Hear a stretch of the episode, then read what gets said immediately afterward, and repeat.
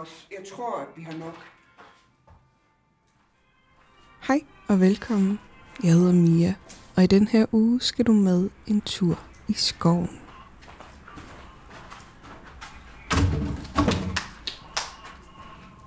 Vi skal nemlig tilbage til vores Allehelgens arrangement, hvor vi samledes rundt om bålet en nat og fortalte hinanden uhyggelige historier.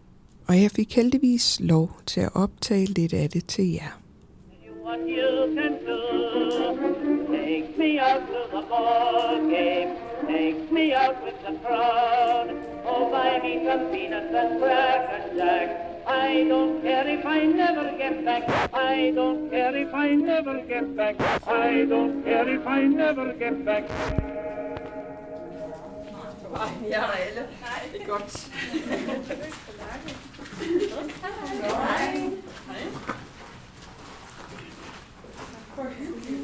I dag skal du både høre om lysende skikkelser, usynlige fodtrin.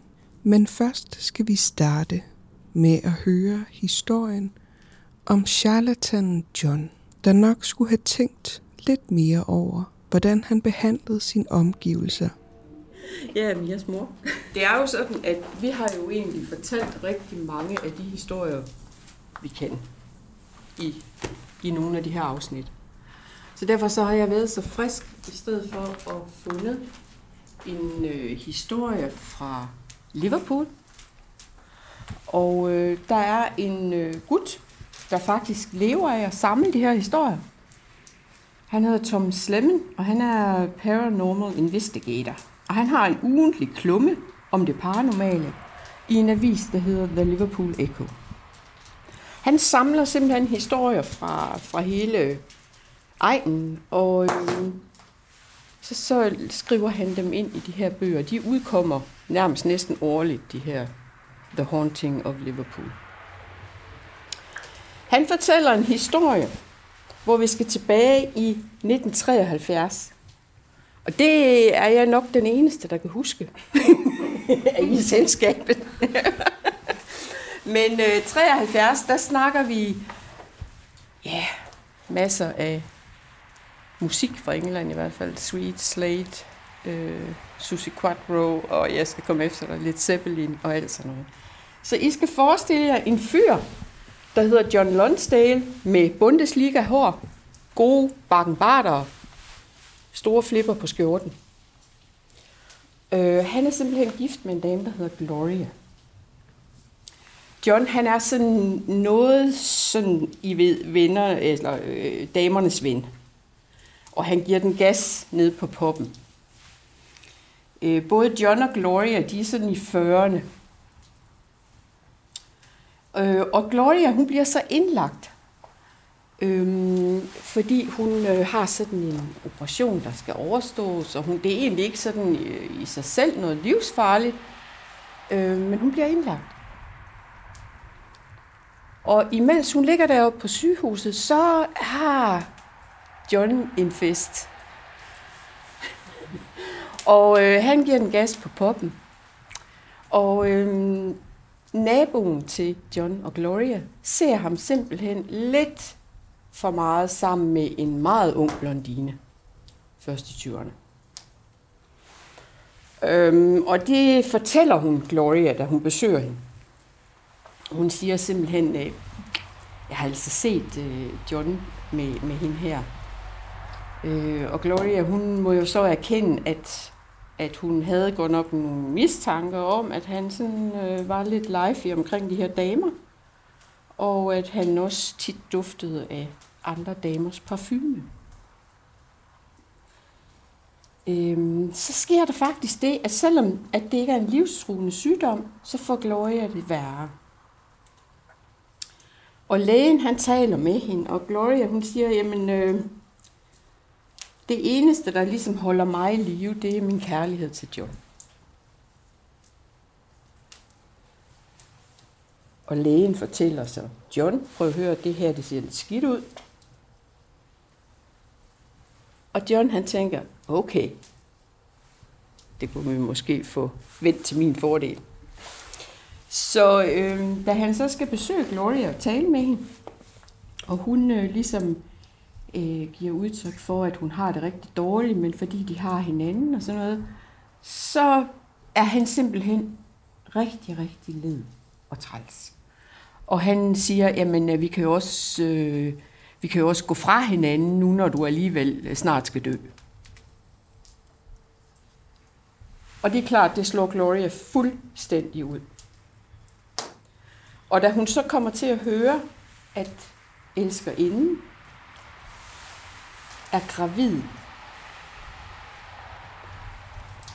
så opgiver hun simpelthen Everett. Så Gloria dør. Og John, han er sgu egentlig lidt kæk. John, han giver den gas med hende her, den 21-årige Natasha. Og øh, jeg vil sige, at Gloria er, er dårlig kold. Altså, vi snakker timer efter hun er død, så tager han Natasha med hjem i sengen. Og øh, hun siger, synes du ikke, det sådan lige er lidt mærkeligt, det her? Fordi altså, din kone er jo lige død. Og han siger meget kægt, han tror overhovedet ikke på noget efterliv. Han tror, når man er død, så er det færdigt, så er det bum, der sker ikke noget. De ligger og hygger, og pludselig, så skriger Natasha.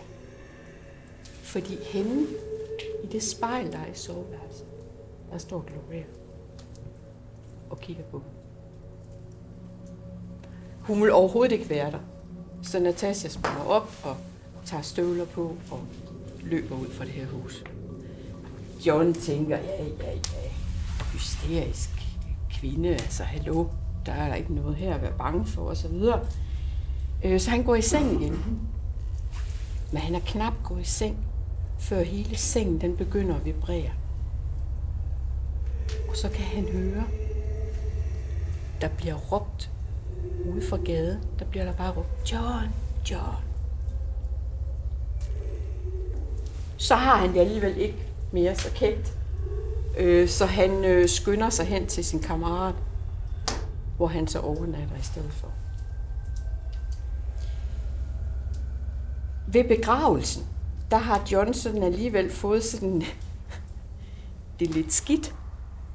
Så øhm, da han øh, går op til kisten, så lægger han en langstillet rød rose på kisten, og så siger han, undskyld Gloria.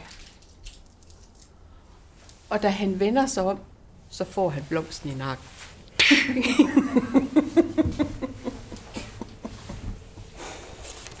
og det får han selvfølgelig også et chok over. Derefter, der får John simpelthen sværere ved at score damer. Fordi hver gang, at han ligesom ligger op til, at han skal score nogle damer, så øh, næste gang han ser de her piger, så er de mega afvisende og siger de, hvorfor har du fået hende der til at ringe? Så de blev ringet op. Og så er der en, der siger, du skal holde dig for John. Så han begynder jo alligevel at blive sådan noget trykket af det her. Han flytter fra huset. Han tør ikke bo der mere simpelthen. Han begynder at få mareridt. Han vågner op nogle gange og, og føler, at han bliver kvalt. Og når han vågner, så er der ingenting. To år efter det her, i 1975, der findes John død i sin lænestol. Og det, der er bemærkelsesværdigt ved det her, det er, at han sidder med vidt åbne øjne og ser panisk rædselslagende.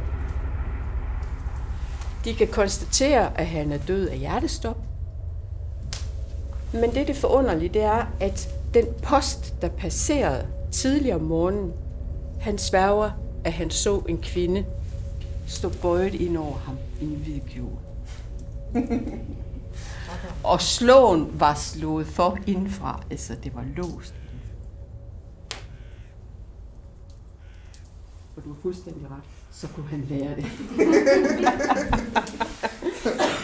ja, det var historien om John. Ja, Ja, han lyder som en fed fyr. ja. Vi kan se ham for Vi fortsætter med nogle historier fra Kirsten. Og hvis du synes, hun lyder bekendt, så er det fordi, hun har været med i et afsnit før, da hun vandt vores lytterkonkurrence. Nå, er vi klar til næste historie? Måske. Måske. Så kommer jeg lige herhen. Står. Du skal Ja. bare lade som om det er helt naturligt. Ja. Jeg arbejder med healing, og øh, det har jeg gjort i mange år. Og jeg er også den, som venner og bekendte ringer til, hvis de sådan har øh, uro i deres hjem, eller de synes, det spøger, eller øh, så kommer jeg ud og, og går en runde og, og finder ud af, hvad det er. Øhm. På den måde, jeg arbejder på det sådan, jeg spørger, hvad det er, og så øh, ser jeg nogle, altså nogle billeder op i mit hoved, og jeg får nogle fornemmelser. Øh, det kan være kropslige fornemmelser, eller jeg kan lugte noget, eller hvis der er nogen, der t- siger noget til mig, så er det ikke noget, jeg hører med mine ører. Det er noget, der udspiller sig med fornemmelser og, og, og, og ting, der sker inde i mit hoved. Det lyder lidt forkert, det sker inde i mit hoved, ikke? Men, men, øh, men, det, men det plejer at virke ret godt, og folk plejer at være tilfredse. Det jeg så også har været optaget af, det er, når jeg har oplevet noget, hvor jeg bagefter finder ud af, at, altså, det er noget, jeg har set rigtigt med mine øjne, og, øh, og jeg faktisk øh, i det, på det tidspunkt kunne jeg ikke skelne mellem, om det var nu var noget rigtigt eller, eller noget overnaturligt. Øh, og der er jo den her fortælling, som jeg har fortalt før med, med manden med den høje hat, hvor jeg jo først fandt ud af bagefter, det var sgu nok et spøgelse, jeg havde mødt. Øhm, på et tidspunkt, øh, da jeg er yngre, der bor jeg i noget, vi kalder skildpaddehuset. Og det øh, kaldte vi det, fordi det var et stråtægt hus, hvor det øh, taget sådan hang, hang godt ned. Øh, det var en af mine venner, der købte det, og så boede vi, så boede vi nogle stykker der. Og der spøgt. Det klikkede i væggene om natten, og øh, når vi sad ovenpå så tv, så kom der nogen op ad trappen, og så kigger vi på hinanden og tænker, så nu kommer Lars hjem, men der kom bare ikke nogen op ad trappen. Og, og, øh, og sådan var det bare at bo der, og vi gik ikke ned i, jeg gik ikke ned i bunden af haven om natten, fordi det var simpelthen, vi havde nogle høns dernede, men det var simpelthen så skummel energi dernede. Hønsene stak også af. Så øh, jeg tænker heller ikke, de var vilde med at bo dernede. og så, øh, så var der en dag, øh, hvor øh, det var sådan et skumring, og øh, jeg var alene hjemme med, øh, med Lars, og øh, han hedder ikke Lars i virkeligheden, men jeg kalder ham lige Lars. Og så springer pæren ud i køkkenet, og den springer virkelig, det er virkelig øh, knald. Og så er der jo så ikke noget lys, og vi kan stadig godt se noget, fordi det er ikke helt mørkt. Og øh, jeg går op og henter Lars og siger, har du en, øh, har du en ny pære, fordi den er gået, den her pære. Ja, jamen det, det havde han, og øh, han tusser lidt rundt for at finde det, han skal bruge til at skifte med. Og så ser jeg ham øh, gå ovenpå, eller det vil sige, jeg ser hans bukseben og et par sko, der går op ad trappen, og så går jeg ud i køkkenet, og så får jeg bare et kæmpe chok, fordi der står Lars. Og hvem fanden var det, der gik ovenpå? Så øh, det var virkelig skummelt. Øhm, så en af de andre, der boede der, han havde en lillebror, der var meget yngre end ham. Han var kun øh, 4-5 år gammel, og han var og, øh, og besøge os, så, så er det jo mørkt udenfor, og det klikker i væggene, som det plejer at gøre. Og så råber den lille dreng, nej, nu kommer der nogen. Der går nogen ud ved vinduerne, og vi kigger på hinanden, og vi ved jo godt, der ikke er nogen. Men han troede, der kom nogen. Gjorde der. Jamen, det gjorde der så ikke. Og det blev sådan lidt, om det vi bare vant til det her. ja. Så har jeg boet et andet sted, der hedder, øh, og det har faktisk lidt skummelt navn, det hedder Brandbjerg. B-R-A-N-D. B-J-E-R-G. Og jeg har jo nogle gange tænkt, om det var fordi, der var ikke så brændinger i gamle dage. Altså, det er jo ikke til at vide. Det kan også være, at der stod et stort brandtræ, som jo var gammel overtro. I, øh, ja, hvis der så falder en gren af træet, så brænder der et eller andet i byen. Og hvis træet det vælter, så brænder hele byen. Og så fik man det jo ofte til at passe med, at øh, øh, ja, hvis øh, herr Jensens hønshus det brændte, så var det fordi, man havde skåret en gren af træet. Øhm, Det er også let at finde en kvist, der lige er faldet ned. Ja, ja, det er der. Men det hed i hvert fald Brandbjerg deroppe, og det var sådan et gammelt hus, øh, hvor der var nogle lejligheder i ude på landet. Øhm, der var også en rigtig, rigtig skummel energi. Øh, og det var sådan, når folk besøgte os, jamen, så, øh, så, så kom de ind og sagde, at jeg havde bare sådan en underlig fornemmelse, og jeg kan ikke lide gå derude, og jeg tør ikke gå derom alene, og, og så fuldt sværet. Og så var der en aften, hvor jeg, hvor jeg skulle hjem, og jeg har øh, haft aftenvagt. Og så går jeg forbi vinduerne på, øh, der er en flisegang. Og der var temmelig mange fliser rundt omkring huset. Og så kan jeg bare mærke, at der er noget bag ved mig. Jeg tænkte, nu vender jeg mig lige om, fordi så forsvinder den der uhyggelige fornemmelse, når jeg kan se, at der ikke er noget. Det var der så bare. Der var en hvid skygge, skygge tåge, der svævede et stykke over jorden, med to sorte propiller i, der bare stirrede på mig. Og jeg tror sjældent, jeg har været så bange i mit liv, fordi normalt er jeg ikke bange, når jeg arbejder med det her. Men jeg blev jo også lidt taget med bukserne nede. Og så løber jeg bare øh, ind og smækker døren og tænker bare, det her, det er simpelthen, det er simpelthen bare for uhyggeligt. Kunne du se pupillerne? Ja, Ej, kunne jeg. er det ulækkert. det, ja, og så kunne jeg mærke sådan meget gennemtrængende vrede rettet mod mig. Og jeg så senere fået at vide, at i det hus, der boede der en mand, som virkelig holdt haven meget, meget pænt, øh, med roser hele vejen rundt. Og jeg tænker, at, at de fliser, de lå lige oven på hans roser. Så det kan jo godt være, at det er derfor, han var mindre glad. Jeg kender en, der på et tidspunkt kom til at bo i lejligheden ovenover os, som også bare sagde det spøgt. Altså, hun var heller ikke glad for at bo der. Jeg glemte også lige en lille detalje med skildpaddehuset, fordi vi holdt en stor fest på et tidspunkt, og det var egentlig en havefest, men så kom folk også indenfor, og så blev det en all-round fest. Øh, og der var der en, han fortalte mig, at han øh, havde nok lige skulle have en lille pause, fordi han nok også var blevet lidt fuld, og så han sat inde i, inde i stuen i sofaen, og der havde ikke sådan været lys tændt, og han siger, jeg kan bare, jeg kan bare huske, at jeg talte med nogen, men jeg kan ikke huske hvem. Og så var der en, der sagde, må jeg godt lige gå ovenpå? Og så, havde, så, så sagde jeg, ja, ja, gå du bare ovenpå. Og, og lidt efter, så var der så kommet nogen ned ovenfra og sagt, det spørger du op. Vi vil ikke være der. så det er en meget sjov historie. Men altså, han har jo nok heller ikke været helt appelsinfri. Men øh, det kan jo godt være, at han har, han har talt med en ånd. Han har sendt dem ovenpå. ja, det er fint. Ja. ja. Hvor skummelt. Ja, det er skummelt. Det er sådan nogle, det er sådan nogle skumle ting, man tænker, det her det er ikke hyggelige spøgerier. Jeg kan faktisk ikke lide at være alene hjemme. Det er ikke godt. Nej. Og der, hvor vi bor nu, da øh, jeg havde øh, fået min datter, der kom vi hjem, og der har jeg simpelthen fået noget med hjem ude fra sygehuset i dag. Og jeg kunne høre, når jeg var alene hjemme, så knirkede trægulvet ude i gangen. Øh, og da min datter hun blev så stort, hun kunne sidde på armen øh, med ret hoved, så begyndte hun også at dreje hovedet efter lyden. Så det var jo ikke øh, kun mig, kan man sige. Og jeg prøvede at fortælle min mand, han sagde, åh ja, ja, og det var ikke sådan, han tog jo på arbejde hele dagen. Men så sad vi inde i stuen en aften, hvor, øh, hvor barnet så har sovet, og så kom der altså nogen, der, altså, så kom de der fodtrinudgangen, og der røg han altså også lige lidt op af sofaen. Så sagde der kan du se, der sagde jeg. Øh, og så begyndte jeg at få det sådan underligt, ligesom om jeg var bange for at falde bagover. Lidt ligesom når man skal til at sove, og, øh, og man vågner med et spjæt.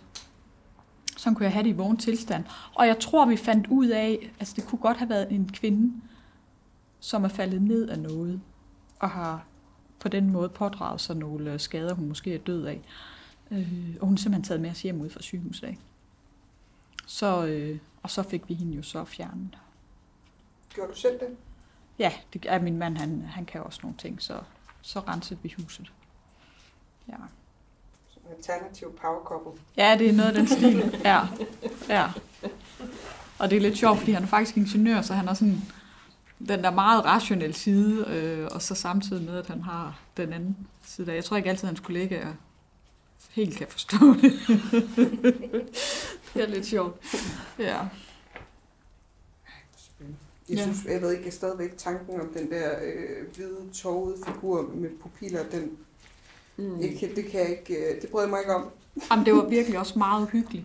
Men jeg har engang været på et kursus, hvor vi, det var sådan også sådan lidt spirituelt et kursus, hvor vi skulle øh, lave sådan en øh, øvelse, hvor vi skulle sidde over for hinanden, to.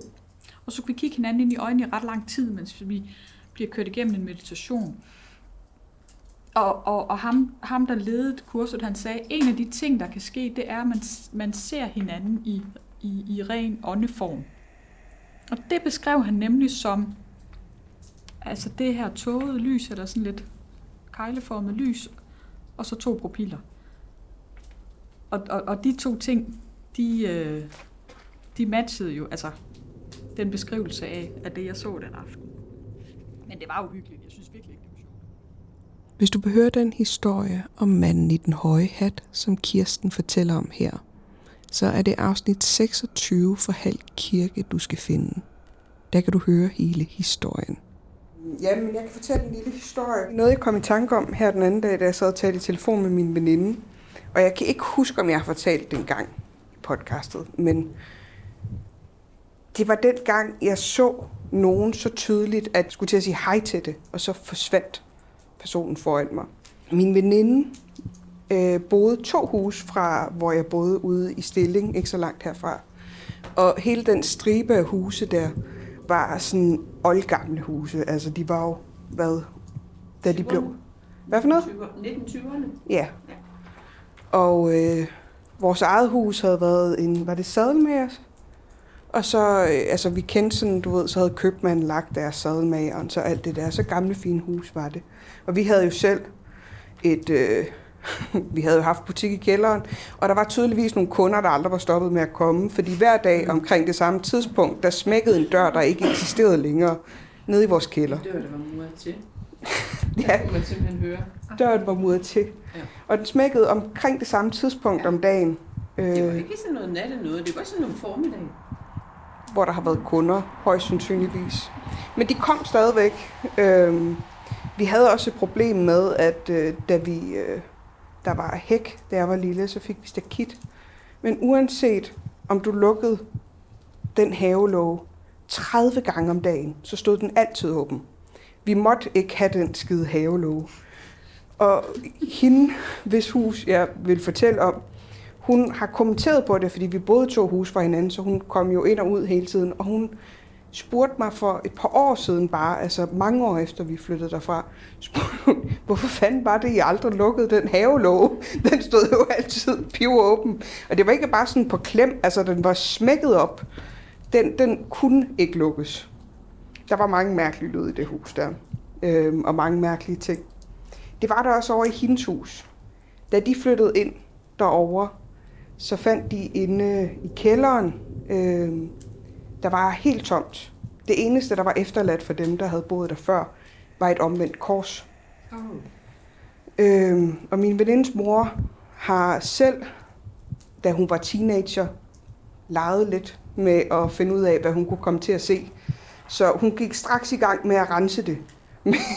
hun gik rundt med hvid salvie og øh, fik renset hele det her hus. Men på trods af det, så øh, har min veninde aldrig brugt sig om kælderen. Hun har altid hadet at være dernede. Øhm, også selvom det var dagslys, altså det var ligegyldigt hvornår, men der har altid været en mærkelig stemning nede i den kælder. Det har altid været meget trykket og sådan en meget tæt energi. Øhm, og dengang, der var jeg punker. Så vi barberede jo hinanden. øh, vi, skulle, vi skulle holde hinandens frisyr klar. Så en aften, da jeg skal have trimmet mit hår, så sidder jeg på en skammel med mit hoved nede i håndvasken, imens min veninde trimmer mig. Og så kan jeg se nogen herover i en døråbning ud til toilettet. Så jeg kigger lige hen, og så kan jeg se min venindes lille søster. Hun er omkring 5-6 år. En lille lysrød pige, der hedder, det siger vi ikke, men hun hedder noget. men hun er så tydelig, at jeg åbner min mund. Jeg har ordene, jeg skal lige til at sige det. Og da jeg er ved at sige ordene, så forsvinder det foran mig. Og hun var så tydelig, som altså, det havde været ja. Det var så mærkeligt. Og jeg kunne ikke, fordi jeg vidste, hvor bange hun var for den kælder, kunne jeg jo ikke sige noget. Så jeg valgte ikke at sige noget til hende før mange år senere. Så jeg måtte sidde der med hovedet i håndvasken og lade som om alt var helt normalt, imens hun klippede mig færdig. Og så kan jeg huske at komme hjem og satte mig i lænestolen og sagde, ja, de ser et spøgelse over Og hun var så tydelig, at jeg skulle til at hilse på hende. Og det var bare en lille pige. Altså, jeg har, det var så mærkeligt. Jeg har aldrig før, eller altså, før eller siden har jeg ikke set nogen. Det var så tydeligt, at jeg ikke var et sekund i tvivl om, det var hendes lille søster, der stod der. Og så øh, her for et par år siden vælger hun så at spørge sin mor om det, fordi at jeg fortæller hende det jo så på et tidspunkt. Øh, men hun snakker så med hendes mor om det, der så siger, Nå, nå men det skal du ikke tænke på. Hun hører op til mig. Hun har ikke noget med huset at gøre. Det er en, der følger efter mig. Og hun har aldrig fået en forklaring på, hvorfor, eller hvor den her lille pige kommer fra, men hun hører til hendes mor. Og hvorfor at jeg skulle have lov til at se hende, det ved jeg heller ikke.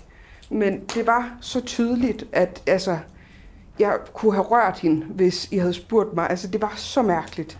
Og det var så øh, lidt uhyggeligt, at jeg jo ikke gjorde andet end at gå hjem og sige, jeg har fandme lige set et spøgelse. Men altså, så mærkeligt. Det er sådan en ting, jeg glemmer, jeg har oplevet nogle gange. Fordi det ikke var uhyggeligt. Det var bare en lille pige, der lige skulle se, hvorfor at jeg blev trimmet i håndvasken, tror jeg. Den næste historie kommer fra et af mine yndlingsmennesker. Min gode veninde, Julie. Er vi klar til en omgang mere? Ja. Det her det er en historie, som jeg har oplevet, og som jeg først talte om mange år senere. Øh, faktisk fortalte den til Mia første gang. Øh, men det er en historie fra da jeg var... Hvor gammel har jeg været? Omkring 6 år gammel. Hvor... Øh, øh, det var i min forældres lejlighed, hvor, som er sådan en gammel herskabslejlighed midt inde i Aarhus. Øh, og jeg havde værelse over for en af mine brødre. Der er en lang gang, og så mit værelse på den ene side, og så hans på den anden side. Og så øh, en nat vågner jeg og ser en skikkelse inde ved ham, inde ved min bror, som ligger os over. Og det, det står sindssygt klart i min hukommelse.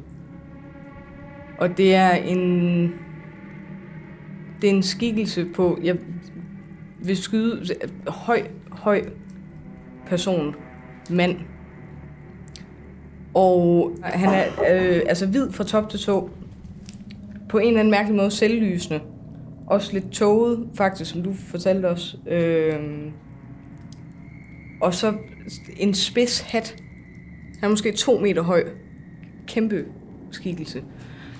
Og han står derinde øh, og står og ser ud som om, at han tager ting ned fra min brors bogreol. Og det her, det foregår over lang tid, hvor jeg ligger ned, og jeg ser ham overfor. Øh, og jeg kan huske, at jeg ligger og tænker, at jeg er bange for, om han vil gøre min bror noget. Og så tænkte jeg, om det var en, om det var en indbrudstyv, eller, men, så, men det gav heller ikke mening, fordi jeg har aldrig set et menneske se sådan ud. Øh, og han stod og tog, sådan, så tog han, han, han tog sådan en legetøjsdinosaur fra min brors bogreol, hvor der stod sådan en masse ting, og stod og kiggede på den, og, sådan, og så satte han den op igen. Og, øh, og jeg kan huske, at jeg ligger der og overvejer, hvad jeg skal gøre. Og jeg ligger selvfølgelig også og overvejer, om det er en drøm. Så jeg kan huske, at jeg niver mig selv flere gange og kan mærke det. Og jeg, kan, og jeg prøver at bevæge mig. Jeg ligger i lang tid og overvejer, om jeg skal vende mig om, fordi jeg jo selvfølgelig også er ekstremt bange. Men jeg er bange for, at han opdager mig. Øh, og så efter, hvad der føles som meget lang tid, så beslutter jeg mig for at, at sætte mig op i sengen. Altså så jeg sådan ligesom gør det med et ryg. Øh, og det gør jeg så. Og i det jeg gør det, så vender han sig mod mig. Og så giver sådan... Det, det, det er den eneste måde, jeg kan... Sådan, det, det, et suk. Og så forsvinder han så. Og der bliver jeg så siddende i sengen og tænker sådan... Mm, ja, kan ikke huske, om jeg sover mere den nat. Jeg fortæller, jeg fortæller det også til min mor dagen efter. Som ikke sådan... Hun, det, det er ikke sådan... Det reagerer hun ikke så meget på. sådan i forhold til sådan... Øh, der stod en mand inde ved... I går nat. øh, men det var der ikke så meget reaktion på. Og øh, jeg var også enormt frustreret over, at der ligesom ikke var nogen reaktion på det her, fordi jeg tænkte sådan, okay, er jeg ved at blive sindssyg? Hvad er det, jeg har set? Og så går der egentlig lang tid, før jeg begynder sådan at, at, at tænke over det igen. Øh, det var faktisk først, da vi, Mia, begyndte at, at tale om den slags, hvor jeg tænkte, gud ja, jeg har sgu da, jeg har sgu da i den grad set et eller andet, som jeg i hvert fald ikke kan for, forklare. Øh, så sker der jo så det, at til en Halloweenfest hjemme med Mia i hvornår var det, 2012 eller sådan noget. Ja. Øh, hvor vi er klædt ud og har det sjovt og så videre og så videre. Og så bliver der taget et billede af mig, hvor Jeg taget flere træk.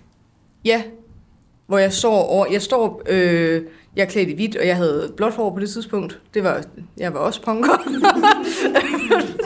og Mia har også trim, trimmet mit hoved. men det, nej, men så øh, bliver der taget det her billede, hvor jeg står sådan og læner mig op af, øh, af en hvid væg. Du, du står, det er egentlig bare... Jeg står sådan, Ham, der tager billedet, tager flere i træk, fordi det er utydeligt, det ene billede. ja, Og så tager han et par mere. Du er bare lige på vej hen. Jeg tror, du står med en cigaret og på vej et eller andet sted hen. Ja. Det er et lidt fjollet bevægelsesbillede. Men så kommer en fedt, det er sådan lang tid efter, altså senere på aftenen, og siger, prøv lige at se, hvad der er på det her billede. Og så kigger vi, og så er der, hvad jeg kun kan beskrive som en kutteklædt, altså den her person, øh, det ligner sådan noget fra, det, det ligner en fra Ku Klux Klan. Det er sådan hætteagtigt. Altså det er sådan virkelig også med det hvide og sådan. Ja. Øh, det men der er er så en kutteklædt hvid skikkelse i baggrunden på det billede. Og så Mia, hun begynder også at freak lidt ud i forhold til, at det er noget, jeg bærer med mig. Ja, og hun har Øh, taget det med hjem til mig. ja. Tak. Ja. Det er så ikke noget, jeg har, det er ikke noget, jeg har set, øh, hverken før eller siden. Men det er da også sådan lidt, øh, altså min, min, min meget rationelle natur leder os efter en forklaring, eller sådan bare et eller andet. Det, du vil. Selv hvis det var en, en, en, en død person, jeg kendte, men jeg kendte, Ja. der var ikke nogen sådan... Der havde ikke været nogen sådan dødsfald i min familie på det tidspunkt, så der var ikke noget sådan... Nej. Øh, Men også fordi, vi har selvfølgelig billedet, så I kan se det. vi har billedet. Øhm, men, men det der også er bemærket, det er, at jeg har skråvægge og meget lave skråvægge. Ja. Og den her skikkelse følger ikke skråvæggen. Den er, øh, Den er er bare på den. Så det var min historie. Manden i Heibergsgade. Manden i Heibergsgade. Ja. Jeg synes også, den er pænt ulækker. Men også fordi han siger, at der er lyd. Jeg ved ikke, Ja, hvorfor lyden det var ikke. Nej, men det var sådan et suk. Han stod lige og var ved at stjæle en dinosaur. Ja, Men det var også det, det var så meningsløst. Altså. Ej, det er også vildt mærkeligt. Altså. Så han gammel ud? Kan du, altså... Øh, ja. Ja. Ja, men nej. Fordi der var ikke noget... Øh, Var han tidsløs? Der var ikke noget ansigt. Altså, hvordan skal jeg... Det, det var som bare, altså næsten et, et tegnefilmspøgelse på en eller anden måde. Altså sådan en person med, med et lag over sig. Og så med den spidse. Ja. Ja. Så. Jamen, øh, tak. Den, ham vil jeg tænke på senere, Ja, når jeg det er skal godt. sove. Det, Og så kan jeg også. tænke på, øh, på Kirstens bagefter. Ja. Så, det var sådan lidt i samme... Øh, ja, ja, ja. Vi kan lige starte her med Rose. Skal vi se det her. Vi står. Men du kan se stoffet, hvordan det går ind her. Men du kan, hvis du kigger, så skråvæggen, den går helt ind. Og den der følger jo ikke skråvæggen. Nu skal du høre historien fra vores søde lytter og oversætter, Dina, som måske ikke var helt alene hjemme en eftermiddag i det hus, hun boede i. Dina, var det noget med, at du havde en lille historie også? Mm. Det har jeg i hvert fald. Jeg havde et par stykker at vælge imellem, men, men øhm, det korte og det lange er, at jeg, jeg er fra Grønland. Så der, der tror jeg, øh, hvad hedder det, lagenet mellem vores verdener, de er lidt tyndere deroppe af en eller anden årsag, så jeg har ikke oplevet så mange ting hernede i Danmark. Men, men øh, den her historie, den er fra, fra dengang, jeg boede nede i Sønderjylland. Altså, jeg var nok i, jeg ved det ikke, i starten af 20'erne, eller før 20'erne, eller sådan noget. Øhm, på det tidspunkt, der havde jeg lejet et værelse i et øh, hus, som lå tæt på øh, en golfbane. Og det var sådan, sådan lidt ældre hus med en gårdsplads, og det var sådan rigtig hyggeligt og flot. Øhm, og så øh, de her øh, golfpersonale, eller hvad man kalder dem, de, øh, de havde et, øh, et kontor i en af, en af stuerne nede i stueplan, og så havde de et arkiveringsrum i et af værelserne ovenpå. Men ellers, så var der nogle værelser, man kunne lege, og der havde jeg så lejet et af de værelser der op ovenpå. Og, øh, og det var super sjældent, at de her golfpersonale, at de kom over og benyttede der, deres rum. Så, så det, vi havde det sådan rimelig godt, fordi det var, det var sådan, at min, min bedste veninde, hun lejede sig også ind der. Så det gav nogle gode fester en gang imellem. der var tre, tre værelser, men vi var de eneste to lejere på det tidspunkt. Øhm, øh, selve huset, de havde sådan en øh, flot ældre hoveddør. Og lige når man kom ind, så kom man ind i entréen. Og i entréen, der var der den her stue, som var deres kontor, den var låst af. Så var der et fælles køkken og et fælles øh, vaskerum. Jeg havde øh, et arbejde dengang i samme by, så en eftermiddag, så, øh, så tog jeg hjem, og så låste jeg mig ind. Øh, og jeg havde lige tilfældigvis noget vasketøj, jeg skulle ordne, så, så jeg tænkte, jamen så går jeg lige ind til vaskerummet. Og som så mange gange før, når man står der med vasketøjet, så står man jo bare lige i sine egne tanker. Øhm, og det var sådan et dejligt stort vaskerum, så der var, der var kun et vindue, så, som vendte ud mod gårdspladsen. Og det var sådan en rigtig dejlig sommerdag, tror jeg, fordi altså sen om eftermiddagen, hvor at solen den lige skinnede sådan skråt altså langs med vinduet. Øhm, så jeg stod der og, og lagde vasketøj sammen lige foran vinduet der. Og så kunne jeg høre, at øh, min veninde var faktisk hjemme. Og det, det undrede mig sådan lidt over. Det sådan, der er nogen, der gik ovenpå. Nå, okay. Og så gik det op for mig. Det var egentlig mærkeligt, fordi hun plejede ikke at låse hoveddøren. Nå, ja ja, mm, det kan være, at hun ville have noget fred og ro, eller whatever.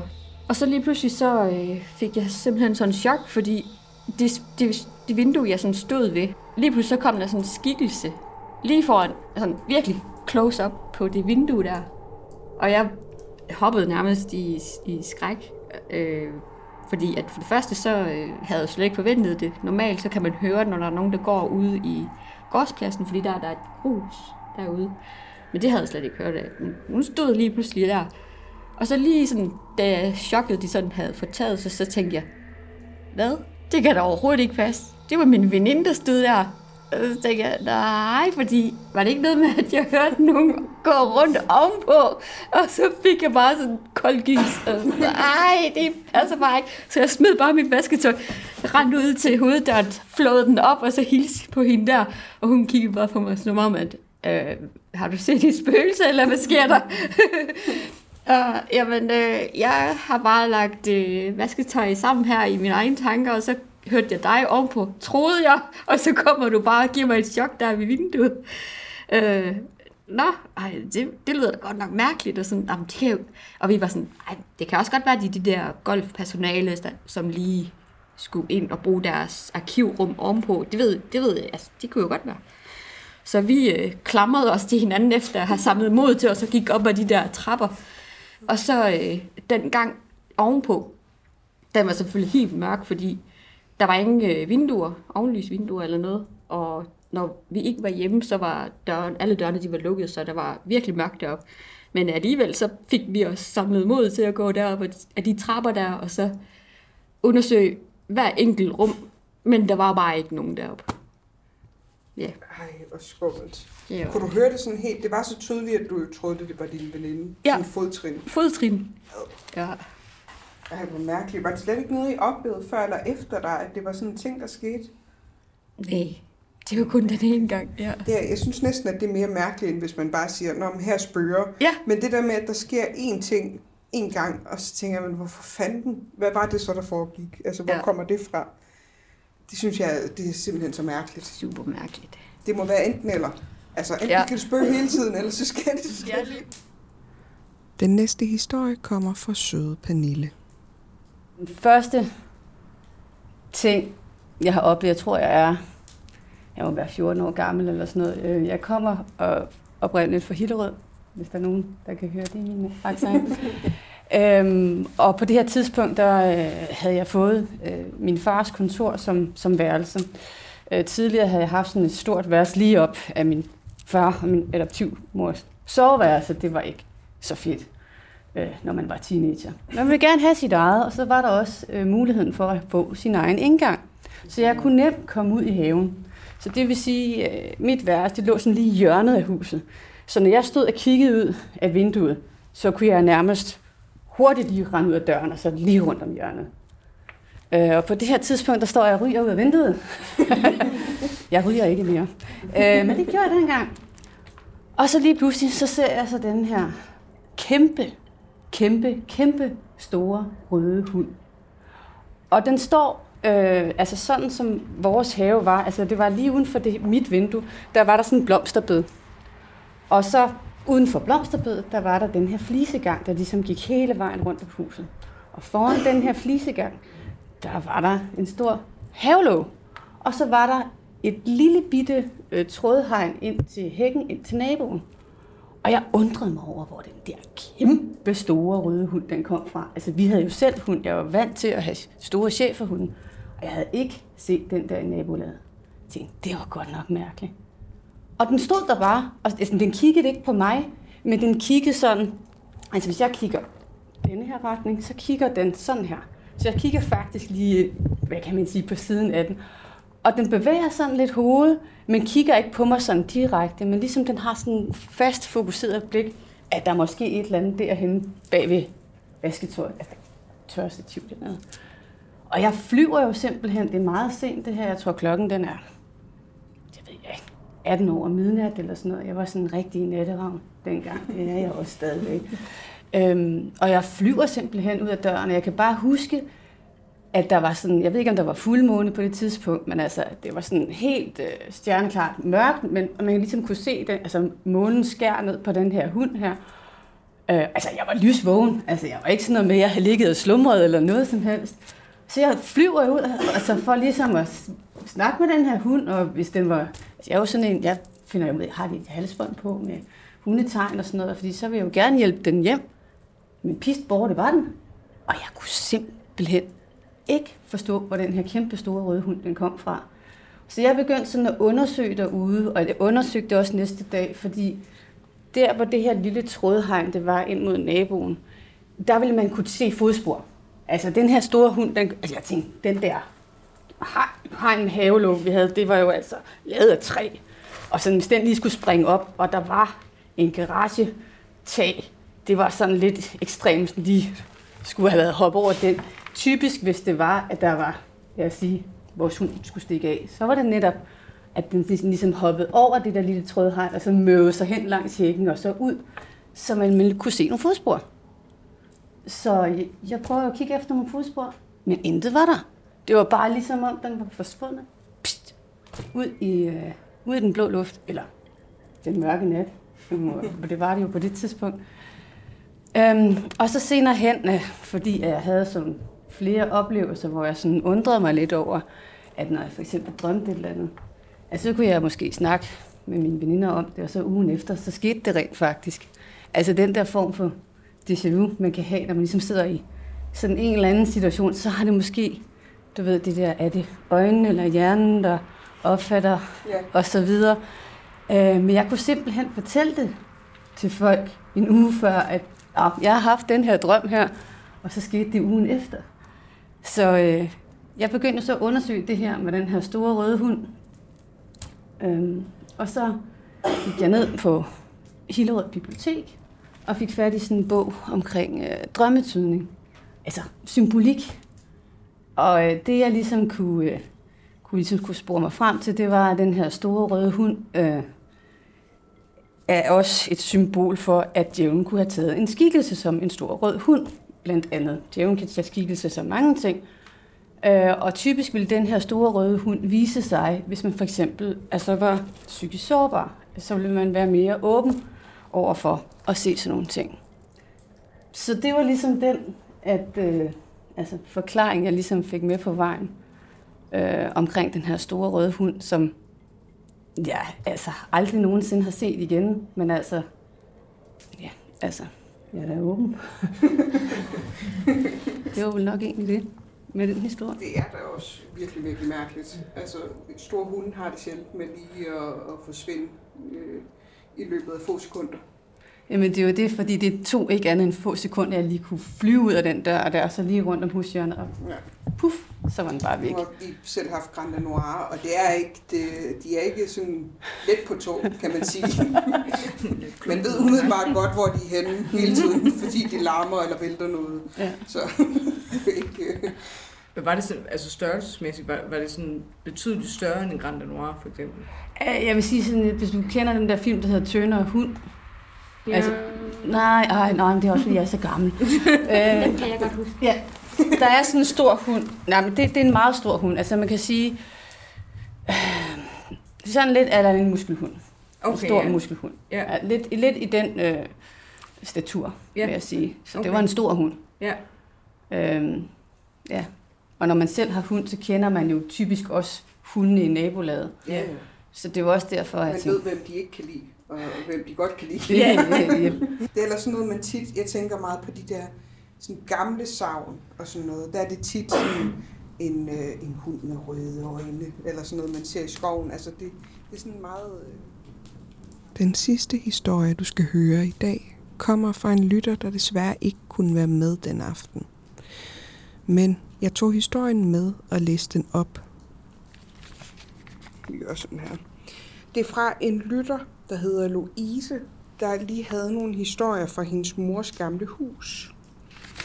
Og hun skriver, Min mor bor med en ven, lad os kalde ham Dan. I et idyllisk stråtægt bindingsværkshus fra 1700-tallet. Stuen er den tidligere kostal, og jeg har flere gange oplevet lyden af køer, der hygger sig i båsene. Det er i sig selv ikke spor uhyggeligt, og det er manden, der passer dem, heller ikke. Jeg er ikke den eneste, der har set ham. Min mor har fortalt, at hun flere gange har lagt mærke til, at han har stået og betragtet hende, når hun har fodret hundene. Selv udenfor har vi set ham. Men kun mens vi har taget os af husets forskellige dyr. Både min mor og jeg har en klar fornemmelse af, at han holder øje med, at dyrene i huset bliver behandlet godt. Det er noget helt andet med dansmor. Dansmor var en psykisk syg kvinde, der blev tvangsindlagt, efter hun havde forsøgt at dræbe Dans far, mens han lå og tog en lur på sofaen. I flere år hjemsøgte hun min mors og Dans hus, og min mor har fortalt, at de var nødt til at lade skrivepulten i et gammelt chatol fra hans barndomshjem stå åben, for ellers blev hun særligt aktiv. Jeg er flere gange blevet vækket af fornemmelsen af ikke at være alene på værelset. Og en gang så jeg skikkelsen af en ældre dame, der sad i den stol, jeg havde lagt mit tøj på. Hun sad lænet frem mod mig og stirrede ondskabsfuldt på mig, mens hun viste tænder. Den stol fik aldrig mere lov til at stå på værelset, når jeg skulle sove der. Min ekskæreste havde samme utrygge fornemmelse, når vi besøgte huset. En nat oplevede han lige frem, at dørhåndtaget til værelset var blevet drejet opad, og han var meget forvirret næste morgen. En aften, jeg var alene i huset, gik jeg og lavede mad og skrullede med på noget højt musik, da der pludselig lød et skrig og en trampen hen over loftet og ned ad trappen til spisestuen. Jeg så en ældre kvinde med langt, tyndt hår komme farne ned ad trappen som i en anden gyserfilm. Men så snart hun nåede nedenunder, forsvandt hun. Jeg slukkede straks musikken og råbte undskyld, og jeg var ved at dø af skræk for at skulle gå op ovenpå og i seng. For den aften forventede jeg hele tiden at høre trampene og skridet, og jeg holdt øje med trappen, og jeg turde ikke længere at være alene i huset. En sommer skulle jeg passe kat, hunde og høns, imens min mor og hendes sambo tog op for at hjælpe en veninde med at reparere sit sommerhus. Jeg havde inviteret en flok veninder med, så jeg kunne sikre mig, at huset var fuldt af liv, og jeg ikke skulle tilbringe et eneste minut alene i huset. Vi havde lagt op til den helt store ferie med masser af film, musik og snacks i lange baner. Vi havde det rigtig sjovt, og vi hyggede os. Men pludselig kollapsede en af mine veninder inde i spisestuen. Da vi kom over til hende, var hun i en slags trance, og hun gispede efter vejret, mens en tydelig rød streg begyndte at vise sig hen over hendes hals. Vi forsøgte at hjælpe hende med at få luft, og jeg foreslog, at vi fik hende ind på en sofa i den store stue. Så snart hun kom ind over dørtærsklen til stuen, forsvandt den røde streg, og hun begyndte at komme til sig selv igen. Hun var forvirret og mumlede noget om en gammel dame, men kunne ikke rigtig huske noget. Og hun ville ikke have, at vi ringede efter en læge. Snart efter var hun sig selv igen, og hyggen fortsatte. Men på nogenlunde samme tid den følgende aften skete nøjagtigt det samme. Hun kollapsede ind i spisestuen, og hun fik den samme tydelige røde streg hen over halsen. Vi skyndte os at få hende ind i stuen igen, og denne gang var det som om, der opstod et underligt anspændt atmosfære i rummet. Min veninde vågnede og var bange og rapplede om den vrede dame, og i det samme hørte vi en hurtig trampen hen over loftet, ned ad trappen og hen mod døren til stuen. Men her stansede den og den intense stemning blev næsten helt elektrisk. Næste morgen forlod min veninde huset, og hun har aldrig siden besøgt det. Så snart min mor kom tilbage, fortalte jeg hende om hændelserne. Hun afslørede, at Dans mor havde pint og plaget ham så meget, at han havde undladt at give hende et navn på gravstenen. Min mor fortalte også, at Dans mor ikke kunne komme ind i stuen, fordi det var den gamle bundes område, og han ikke tolererede hende. Dan har siden sat navn på gravstenen, og vi har ikke hørt mere til hans mor. Men køerne pusler stadig inde i stuen.